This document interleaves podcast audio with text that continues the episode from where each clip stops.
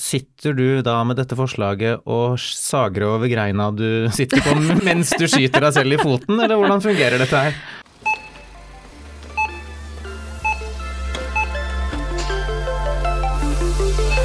Hjertelig velkommen til Handlevogna, Norges, Europas, verdens, for ikke å si hele universets nye favorittpodkast om noe vi alle har til felles, nemlig at vi spiser mat. Jeg heter Bendik Solum Wist og er bransjedirektør for dagligvare i Virke. Og jeg heter Runar Viksnes og er sjefanalytiker i Virke. Og du og jeg, Runar, vi tar debatten enten det handler om folks manglende impulskontroll når de må velge mellom sjokolade og knaskerøtter i kassa, eller om det er greit at prisen på smør har gått ned eller opp med fem kroner. Det eneste som er bedre enn knaskerøtter, det er debatten om knaskerøtter. Og den tar vi. Hva skal vi debattere i dag? Du, Noe av det beste med å lage podkast er at vi får muligheten til å invitere stortingsrepresentanter og onkler hey. til vårt lille podkaststudio. Og denne uken har jeg snakket med sjølveste stortingsrepresentanten Lene Westgård Halle, som sitter i næringskomiteen for Høyre. Hun er bonde og har ikke så rent få cayennekrydrede meninger om den norske dagligvarebransjen. Spicy. Ikke sant? Og hva med kassa? Du, kassa er slutten av handleturen, og i dag skal vi se på en av de norske lavprisdagligvarekjedene, som har vist seg veldig lett på foten i det siste. Jaha. Ja, Det er ikke bare de små som er raske. Nei, det er ikke det, skjønner du. Ah. Det kommer vi tilbake til etter at vi har snakket med stortingsrepresentanten. Men hva annet har skjedd siden sist? Du, siden sist så er det kommet nye nordiske kostholdsråd. Ja. For du husker kanskje tilbake til episode nummer seks. eh, kjære lyttere, har du ikke hørt den, så hør på den. Da hadde vi besøk fra Helsedirektoratet, som snakket om arbeidet med å lage nye kostholdsråd. Og i dag, når vi spiller inn dette, så ble de lagt fram på Island. ja. Hva ble konklusjonen? Du, la meg bare lese litt eh, fra rapporten. Den som spiser pølsemat og kjøttmat hele dagen, han blir så doven og så lat og veldig tjukk i magen. Men eh, den som spiser gulrøtter, knekkebrød og peppernøtter, tyttebær og bjørnebær og kålrot og persille, han blir sånn passe mett i magen, glad og lystig hele dagen og så lett i bena at han ikke kan så stille.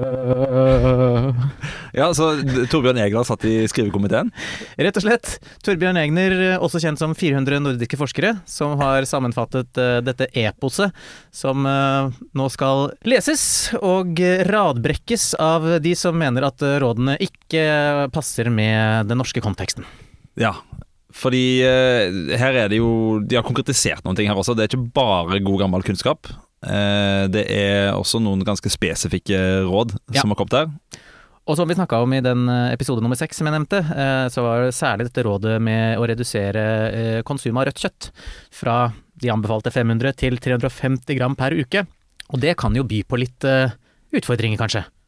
Ja, altså 350 gram kjøtt. Ja. Hvis du tar dine 100 gram av kjøttet inn i tacoen, Hvis jeg gjør det, ja. eh, Som en del av familien. og så har du da 200 gram til en biff, Ja. eh, så har du 50 gram igjen. ja. Så hvis du liker skinke på brødskiva Blir ikke mange brødskiver med skinke da? Nei, det må være veldig tynn skinke i så fall. Dette ender opp med å skape et nytt marked for sånne nanotynne skinkeskiver. Det kommer alltid en teknologiutvikling eh, i kjølvannet av nye forskrifter. Ja, ikke sant? Uansett så blir det vel kanskje linser og bønner i tacoen, da. ja, det er fortsatt bedre med bønner i tacoen enn protesterende bønder foran Stortinget, kanskje. Ja, men her blir det kanskje begge deler. Det kan godt hende. Og eh, der kan de fort få selskap av de polansatte. Ja. Fordi uh, lenger nede i kostholdsrådene så står det at de vil ha færre polfarere. Så Nansen og Amundsen, liksom. Ja, nei, altså de nye polheltene som eh, fyller posen med alkohol. Uh, På Vinmonopolet? Ja, på Det Vinmonopolet. Den Polen. Det, det vil de ha mindre av. Uh, Nå ligner de generelle kostholdsrådene på det som var anbefalingen for gravide, nemlig at det Ja. finnes ingen grenser for hvor lite alkohol du bør drikke.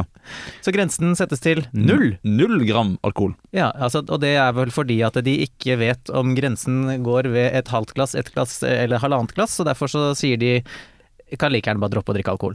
Ja, eh, og med det så har de jo redda russetida. Eh, Ja, det blir spennende å se om russen kommer til å følge de nye nordiske kostrådene.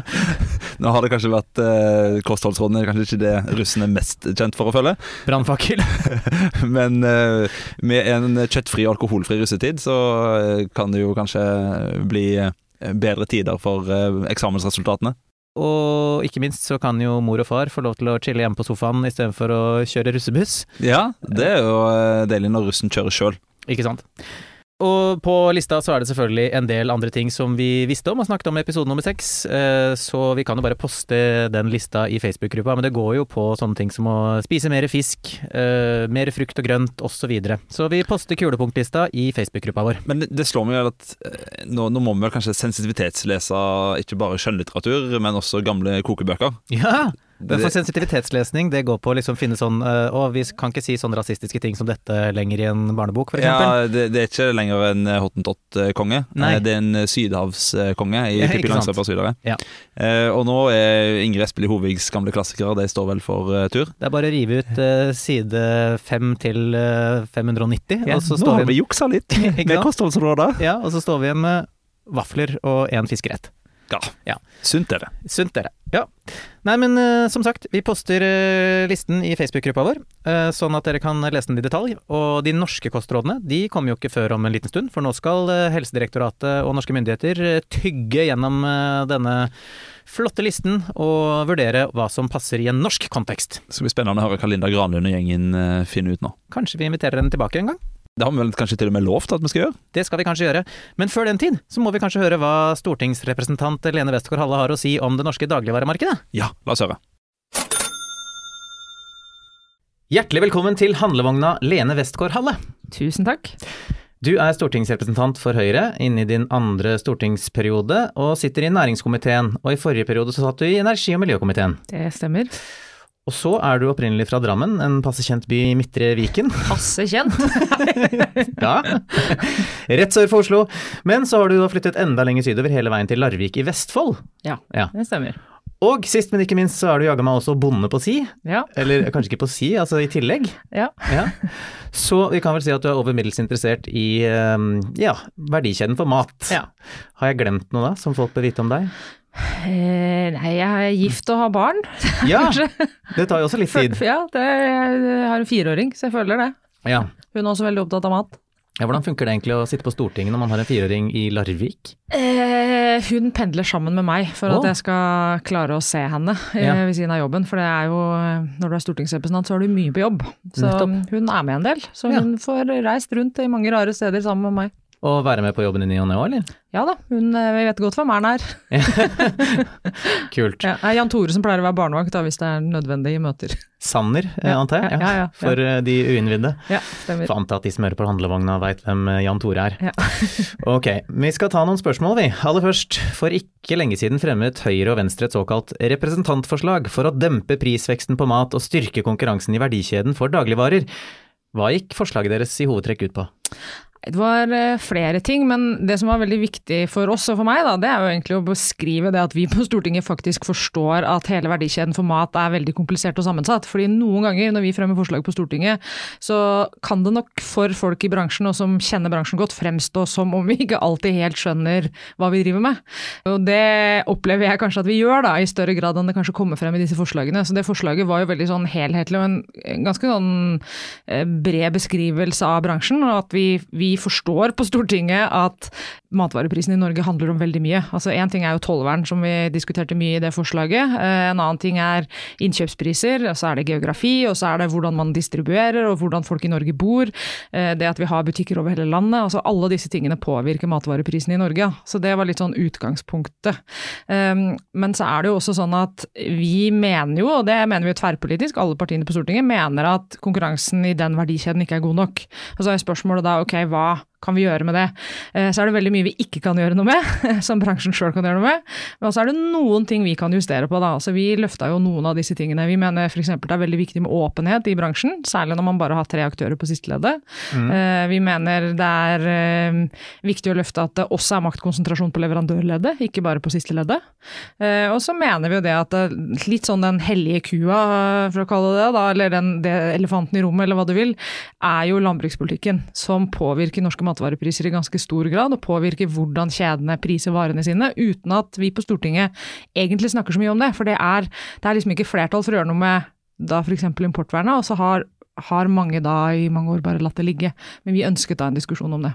Ja, og Nå var du innom mye, og jeg må jo da nevne liksom, da. da dere la fram dette forslaget, Så var det ganske sammenfallende med at eh, næringsministeren vår, Jan Christian Vestre, sto til knes i en, eh, det han har kalt en tipunktsliste for å bedre konkurranseforholdene i dagligvaremarkedet. Så, mm. så kommer dette i tillegg. Altså hva, hva var det deres forslag bidrar med som Vestre har glemt? Mm. Eh, nei, det var jo importvernet, og så er det den delen med åpenhet, da. Ja. Fordi vi, vi opplever nok på Stortinget at det er ganske utfordrende å få innsyn i alle deler av bransjen. Så forstår vi at det er mye som er konkurransesensitivt, men for at vi skal gjøre gode og riktige beslutninger på Stortinget, så må vi ha mest mulig informasjon. Eh, og det er allerede komplisert nok å jobbe med dette fagområdet, så det at vi i noen tilfeller ikke får den informasjonen vi ønsker, mener vi er utfordrende.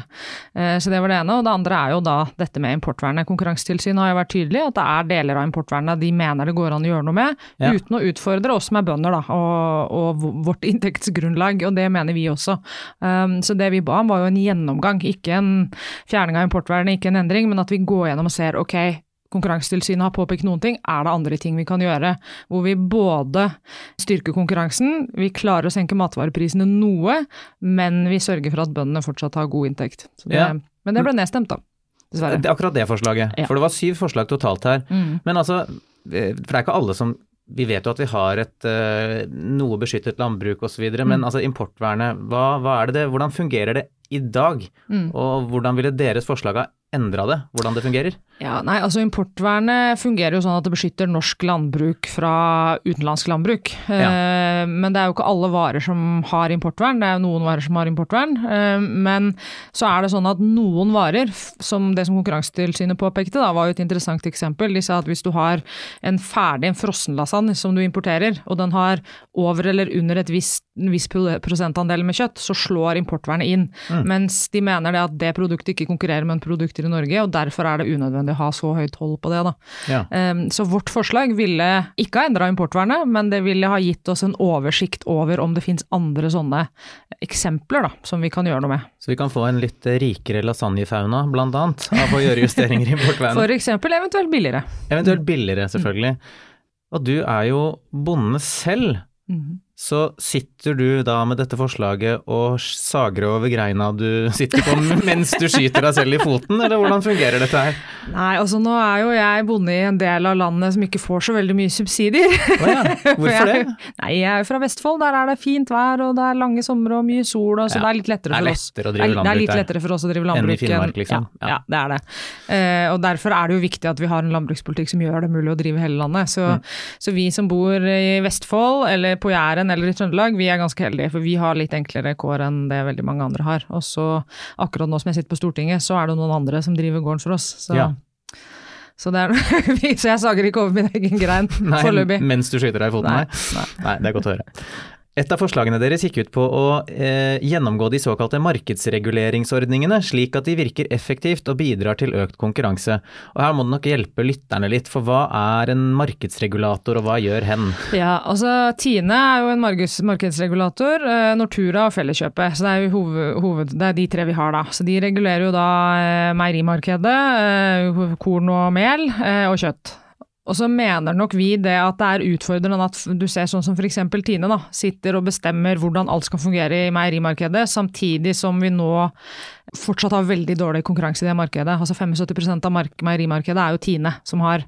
Um, så vi mener jo at disse um, regulatorene ikke fungerer optimalt, eller vi bør i hvert fall ha en gjennomgang og se om, om de faktisk fungerer optimalt. Og vi tror det er eh, noe forbedringspotensial der. Og ikke bare på det som gjelder Tine, for det har vært ganske mye halloi rundt uh, melkemarkedet i det siste, men mm. også på kjøtt og korn. Ja. ja. Ferdig snakka. Ja. er ikke det det som er fint da, når politikere får sånn ja og nei, ikke ja. bare masse bortforklaring? Ja, nei, vi, vi, vil, vi, vil, ha en gjennomgang. Altså, det er mye som fungerer bra, men vi mener at det er enkelte elementer som vi ser ikke gjør at vi får god nok konkurranse, da. Så. Ja, og hvilken effekt ville det hatt på prisene om vi hadde hatt en annerledes eh, løsning enn denne markedsregulatorordningen? Nei, det hadde vært veldig fint for meg nå å kunne si at nei, det hadde endret alt og det hadde vært mye billigere mat, men ja. det kan jeg ikke si. Um, fordi prissettingen, altså det er så mange små elementer som virker sammen på prissetting på mat i Norge, og alle i bransjen vet jo dette. Altså, noen ganger så kan kanskje vi politikere gi inntrykk av at vi liksom kan revolusjonere hele dagligvaremarkedet, det kan vi ikke. Vi kan gjøre små justeringer, men mm. nå er det jo også sånn at marginene på f.eks sisteleddet, da, er jo veldig små, og det handler jo veldig mye om volum. Så når vi gjør små justeringer, så kan det jo få god effekt, og kan jo være viktig for folk, da. Så vi må justere på det vi kan justere på, og så må vi prøve å la konkurransen virke best mulig på de områdene hvor den fungerer, da. Nettopp.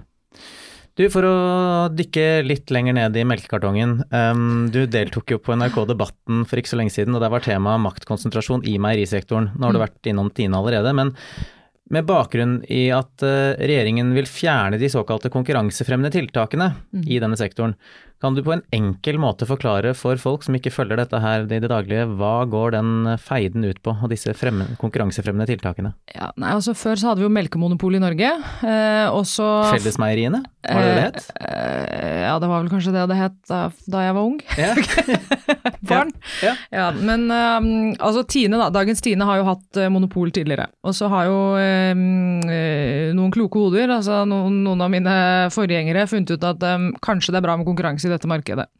Og så inngikk eh, politikerne og bransjen det såkalte melkeforliket, og så har man da fått på plass sånne konkurransefremmende tiltak. Og disse tiltakene skal da, som ordet sier, fremme konkurranse. Så du skal få andre aktører på banen, og at du skal få konkurranse til Tine. Og da har vi jo fått Ku, og vi har fått Rørosmeieriene, og vi har fått uh, det meieriet på Valdres. Så det er jo litt konkurranse, men de er jo fortsatt bitte, bitte små. Så meierikonkurransen i markedet er veldig dårlig. Så Landbruksdirektoratet sier at den ikke er god nok, og Konkurransetilsynet sier det, Forbrukerrådet sier det. Um, og vi uh, merker det jo ute i, ute i butikkene. Altså det er uh, I noen regioner så har jo Tine 100% men i Vestfold, da, der jeg bor, så er det 50% Det er vel det stedet hvor folk uh, kjøper mest kuprodukter, tror jeg. Mm. men når man, disse, nei, når man fjerner disse konkurransefremmende tiltakene, så svekker man jo konkurransen. Og når alle aktørene da, eh, som har bedre greie på det enn oss politikere, sier at konkurransen er dårlig, så blir vi veldig bekymra når disse tiltakene blir fjerna. Fordi vi mener jo at det kan gjøre at uh, meieriproduktene blir dyrere. Det er jo 15% av handlekurven, så det utgjør jo ganske mye. Og at du får dårligere utvalg, da. Ja, fordi regjeringen har da foreslått å fjerne disse tiltakene. De hadde et forslag på høring og foreslår at de skal bort fra 1.1 neste år eller noe sånt nå, er det så? Ja, ikke alle tiltakene, deler av de, men de har i Hurdalsplattformen at de skal fjerne alt. Så mm. det er vel bare et tidsspørsmål, tenker jeg. Ehm, men så har de begynt i det forsiktige, men de har fått veldig, veldig mye rekyl på det forslaget. Så det er jo mange som har ment veldig mye om det. Nettopp. Um, vi har ikke snakket om eh, jordbruksoppgjøret. Men uh, jeg tenker at uh, vi må innom det også, fordi jeg vet ikke om du husker det begrepet en mong? Eh, mm. Det stammer da fra budsjettoverskridelsen på Mongstad en gang i tiden. En mong tilsvarer fire milliarder, så sånn sett så kan man si at årets jordbruksoppgjør landet på omtrent én mong. Er du enig? Ja, ja 4,15 milliarder. Ja. Så, som jeg har vært inne på, du er jo bonde selv, men likevel så vil du ikke ha så store overføringer til landbruket som regjeringen. Du, Høyre vil kutte en milliard i forhold til det regjeringen ble enig med SV om at eh, bøndene skulle få. Ja. Forklar. 1,2. Um, altså, jordbruksoppgjøret har jo normalt ligget på i underkant av 1 milliard, altså mellom en halv, 1 milliard, 1,2 kanskje på det høyeste. og Det er der det har ligget de siste 10-15 åra. Og så var det et ekstraordinært år i fjor, fordi det var veldig høye kostnader for landbruket. Og for å dempe prisveksten på mat, blant annet, så ville Stortinget dekke kostnadene til bøndene. Og det var jo også Høyre med på. Vi ville dog redusere målprisen noe for å holde matvareprisene litt nede, men, men eh, det var jo et voldsomt oppgjør på over 11 milliarder. Eh, mens i år så er det jo et noe mer ordinært år. Og så legger regjeringen seg da, eller forhandlingsresultatet blir da 4,1, og så foreslår vi å redusere med 1,2 milliarder. Det betyr at bøndene får en inntektsvekst på 16% med vårt forslag, 23 med regjeringens, mens befolkningen for øvrig får 5,2.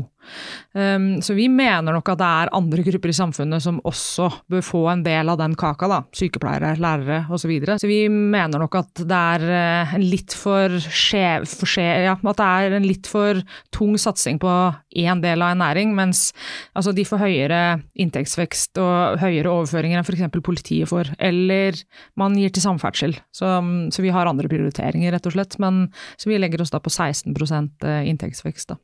Så det argumentet om at bøndene har blitt liggende for langt bak eh, inntektsutviklingen i samfunnet generelt, den er du ikke helt eh, med på? Nei, altså det tallgrunnlaget Det er jo ingen som har noe felles tallgrunnlag. Så vi Nei. har jo ikke noe felles eh, virkelighet å debattere ut ifra, og det er jo en utfordring når vi diskuterer jordbruksoppgjøret. For spørsmålet er jo da eh, hvordan kan du si at du skal tette et inntektsgap når du ikke vet hva det gapet er, og du ikke vet hva inntektene ligger på. Så vi mener jo det er ganske utfordrende. Så det er viktig å få det tallgrunnlaget på plass. Um, og så mener vi jo at det er litt utfordrende når altså Jordbruksoppgjøret er jo sånn at staten skal forhandle med to organisasjoner, det er jo en del av den såkalte hovedavtalen. Mens i år så brøt jo eh, Bonde- og Småbrukarlaget allerede før forhandlingene starta, fordi landbruket ble ikke enig seg imellom. Nei. Så det har jo vært et litt sånn et litt spesielt år da, på mange måter.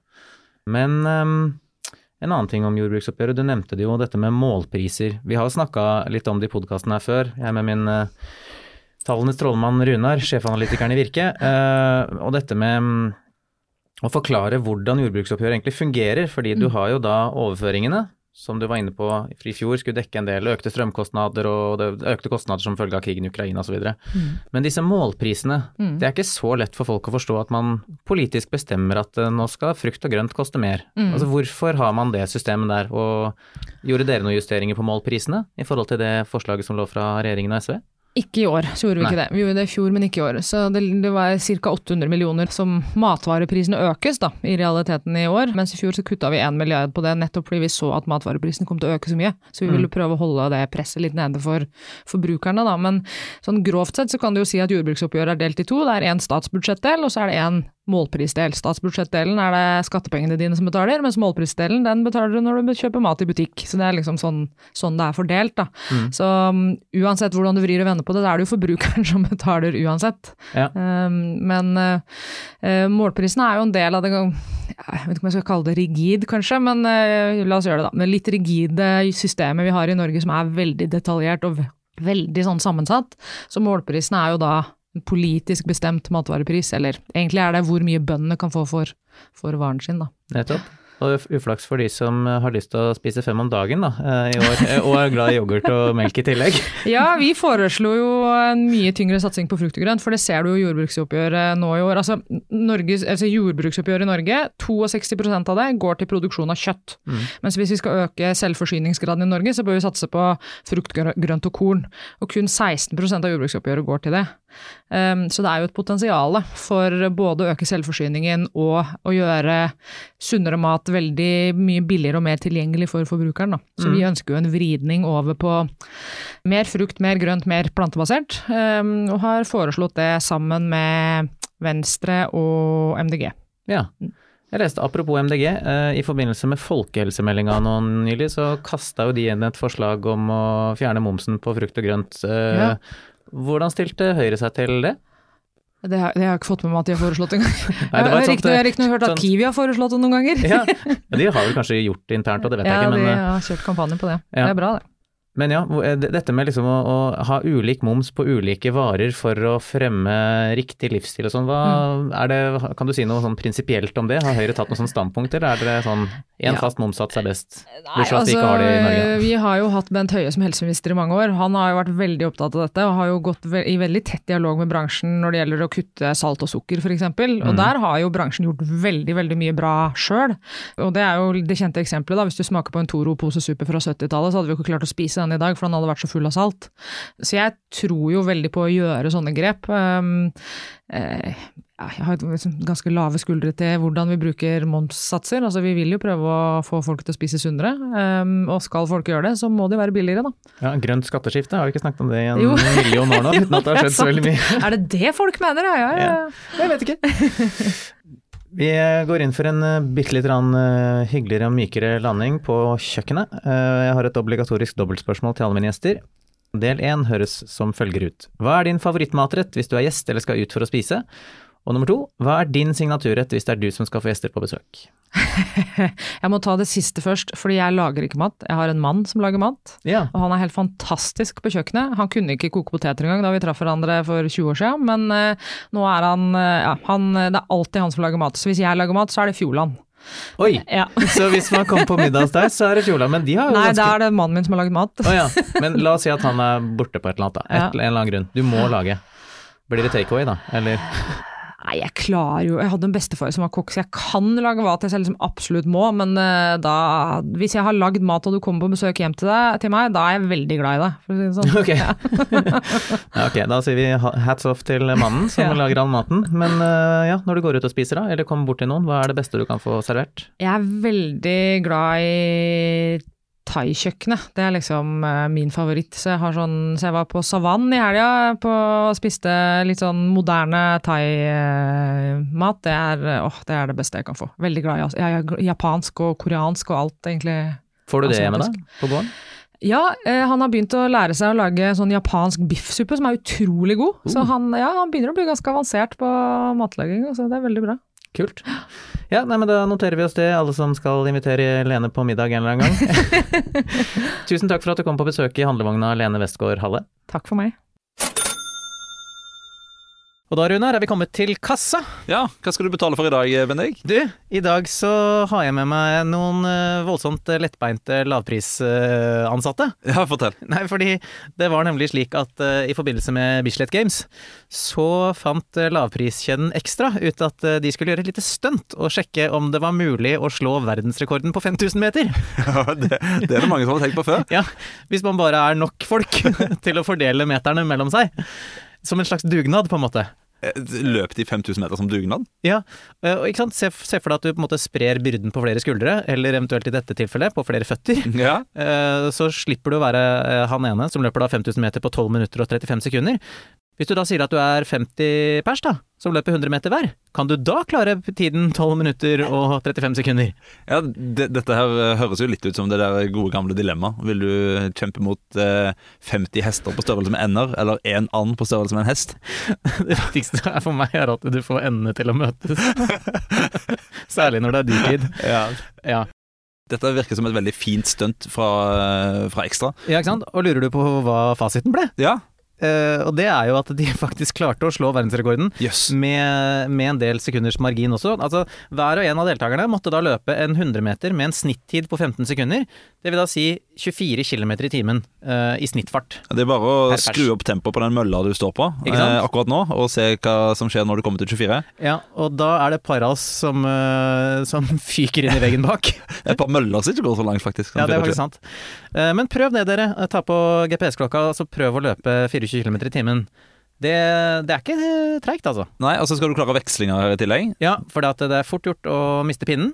Ja. Eh, jeg vet ikke om de hadde pinner, eller om de bare klasket hverandre på rumpa eller skulderen, men eh, det var, etter metoo er det ikke lov med rumpa, i hvert fall. Nei, Nei. Dette var nok eh, Altså dette var jo ekstraansatte, så jeg mistenker at det var, det var varepåfyll. De hadde kanskje med seg noen varer. Det kan ha vært en, ja, en Mentos eller et eller annet sånt som ser ut som en pinne. Ja, ja et eller annet var det. Kanskje- Smarties. En, En sånn Smartisrull, ja. Ja. Det, det var nok det de sette. La oss håpe Eller det. kanskje en agurk. Ja, den er faktisk velegna. Man skal jo tross alt spise mer frukt og grønt, så målet var å få fraktet den agurken 5000 meter. Det var neppe en sjokolade som Nei. Sendt fram. Nei, men uh, dette er jo kjempe, kjempegøy. Det, det er kjempegøy, uh, og dette viser jo at uh, sammen er vi bedre enn verdens raskeste mennesker. Det er jo gledelig. Mm. Jeg er jo veldig spent på hva neste oppfølging er her. Altså For det første så er det jo mange aktører i det norske dagligvaremarkedet som kanskje vil konkurrere på flere arenaer enn pris- og kundestatistikk. Ja. Så her er det jo liksom fritt fram å velge blant rekorder. Ja. Jeg, jeg kunne personlig tenkt meg å se eh, hvordan det hadde sett ut hvis de skulle forsøke for eksempel å ta eh, 50 km kappgang-verdensrekorden. eh, det, hadde vært, eh, det hadde vært en skikkelig, eh, skikkelig fest. Hva med maratonet? Maraton er også eh, heftig. Da må du ha 420 eh, løpere Mm. som hver skal løpe 100 meter på 17 sekunder. Ja. Altså 5000 meter verdensrekorden tilsvarer 15 sekunder eh, per 100 meter. Ja. Maraton legg på to sekunder. Per 100 meter. Det er helt vilt. Nettopp. Eh, men det skal i hvert fall være mulig å få til, så kanskje man egentlig burde ha litt lengre etapper da, for at det skal bli en ordentlig utfordring. For Ekstra har jo vist at det er jo ikke noe problem å løpe 50 sekunder i snitt eh, per 100 meter. Så da er neste utfordring til eh, ja, neste lavpriskjede, eller høypriskjede alt ettersom. Eh, hvilken distanse går dere for, og hvor mange ansatte vil dere ha med i tevlinga? Det er bare å stille til start. Eh, alternativet er som sagt å prøve 50 km kappgang. Da må de gå 100 meter på 26 sekunder. Ja, Og det, med den der eh, frekke hoftevrikkinga. Ja, det stemmer. Ja. Men det er lettere å bære ting. Ok, 50 km kappgang, men mens du kanskje fyller på en hylle med noe greier, da. Du må gå med et brett med et eller annet. Ja, det, det, det må du gjøre. Det, det er tomt for knekkebrød. Ja, Vi inviterer alle lytterne av Handlevogna til å gjøre dette. Film hverandre på jobben, og post video i Facebook-gruppa vår. Der kan dere også anbefale deres venner, kolleger, familie og fiender å melde seg inn. Og så viktigst av alt, trykk på følg eller abonner der hvor du hører på podkast, sånn at du får nye episoder av eh, denne glitrende podkasten inn i øregangen. Velkommen eh, tilbake. Og takk for oss.